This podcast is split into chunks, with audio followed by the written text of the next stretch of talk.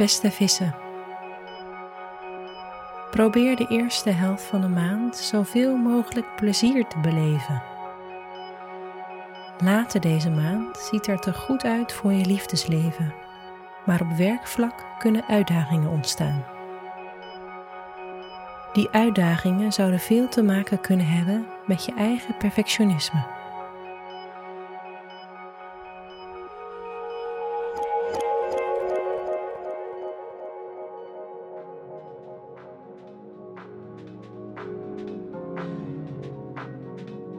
Hoe gaat het met je werk deze maand? Op 10 juli vindt er een nieuwe maan plaats in het teken kreeft. Deze gaat voor jou over alle onderwerpen die te maken hebben met plezier, hobby's, creativiteit, sport, intimiteit, kortom, nogal een waslijst. Je eert de energie van de nieuwe maan het best door te ontspannen en de tijd te nemen om dingen te doen die niets met werk te maken hebben. Maar als het werk betreft, kan je nadenken over of je het nog wel leuk vindt wat je doet, of dat je enigszins in een sleur terecht bent gekomen. Misschien voel je nu geïnspireerd om meer creativiteit te leggen in wat je doet, of nieuwe interesses te integreren in je dagelijkse werkzaamheden. Op 24 juli is er een volle maan in Waterman. Deze volle maan kan voor jou best pittig zijn, omdat het je mentale gezondheid aangaat. De energie tijdens een volle maan kan gespannen of zelfs opgefokt zijn, maar in jouw geval zou je juist te maken kunnen hebben met vermoeidheid of verstrooidheid.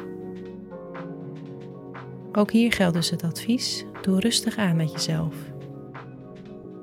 Ook zou er rond die tijd een lastig thema uit het verleden naar voren kunnen komen, dat je nu graag afsluit. Op de 28ste loopt Mercurius na de zon het vurige teken leeuw in, wat ervoor kan zorgen dat je wel klaar bent met het ontspannen en rustig aandoen, en weer graag productief en praktisch bezig bent. Samen met Mars, die 29 juli in Maagd gaat lopen, versterkt deze invloed ook je wens om anderen van dienst te zijn. In een maand die volgt ben je juist productiever dan gebruikelijk en werk je volop samen. Neem voor nu de tijd.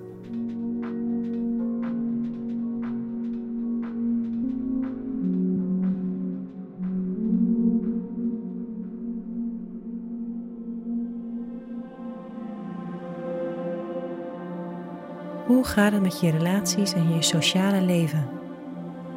Aan het begin van een maand wil je gewoonweg plezier maken. Dit komt omdat de zon, Mercurius en een nieuwe maan in het teken kreeft bevinden. En kreeft reageert voor jou, zoals gezegd, het levensgebied van creativiteit en plezier. Wel kan de plaatsing van Venus er tot de 22e voor zorgen dat het lastig is om jezelf daadwerkelijk toe te staan iets leuks en spontaans te gaan doen en tijd voor jezelf uit te trekken. Als je daarvan bewust bent, kan je je kritische zelf voor zijn. Op 22 juli loopt Venus, de planeet die gaat over liefde en relaties, het teken maagd in, wat voor jou een mooie invloed is. De aankomende maand kan je te maken krijgen met bijzondere ontmoetingen. Ook kan er romantiek in de lucht hangen. Op 28 juli loopt Jupiter, de planeet van geluk en expansie, weer het levensgebied in van je psyche en spiritualiteit. Misschien klinkt dat vaag, maar praktisch gezien is het een invloed die positieve effecten kan hebben op hoe je in je vel zit de andere plaatsingen zorgen er nu vooral voor dat je je blik naar buiten richt, je relaties versterkt en samenwerkt vanaf het einde van de maand. Verwacht een vrij harmonische periode.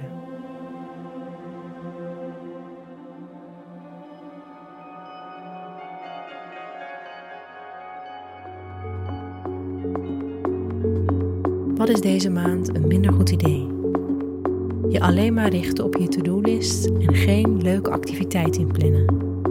Je kan deze maand goed opladen door in de weer te zijn met hobby's.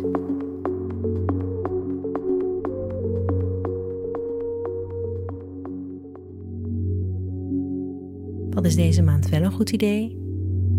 Maak tijd voor de mensen van wie je houdt. Ze vormen nu een fijne invloed in je leven.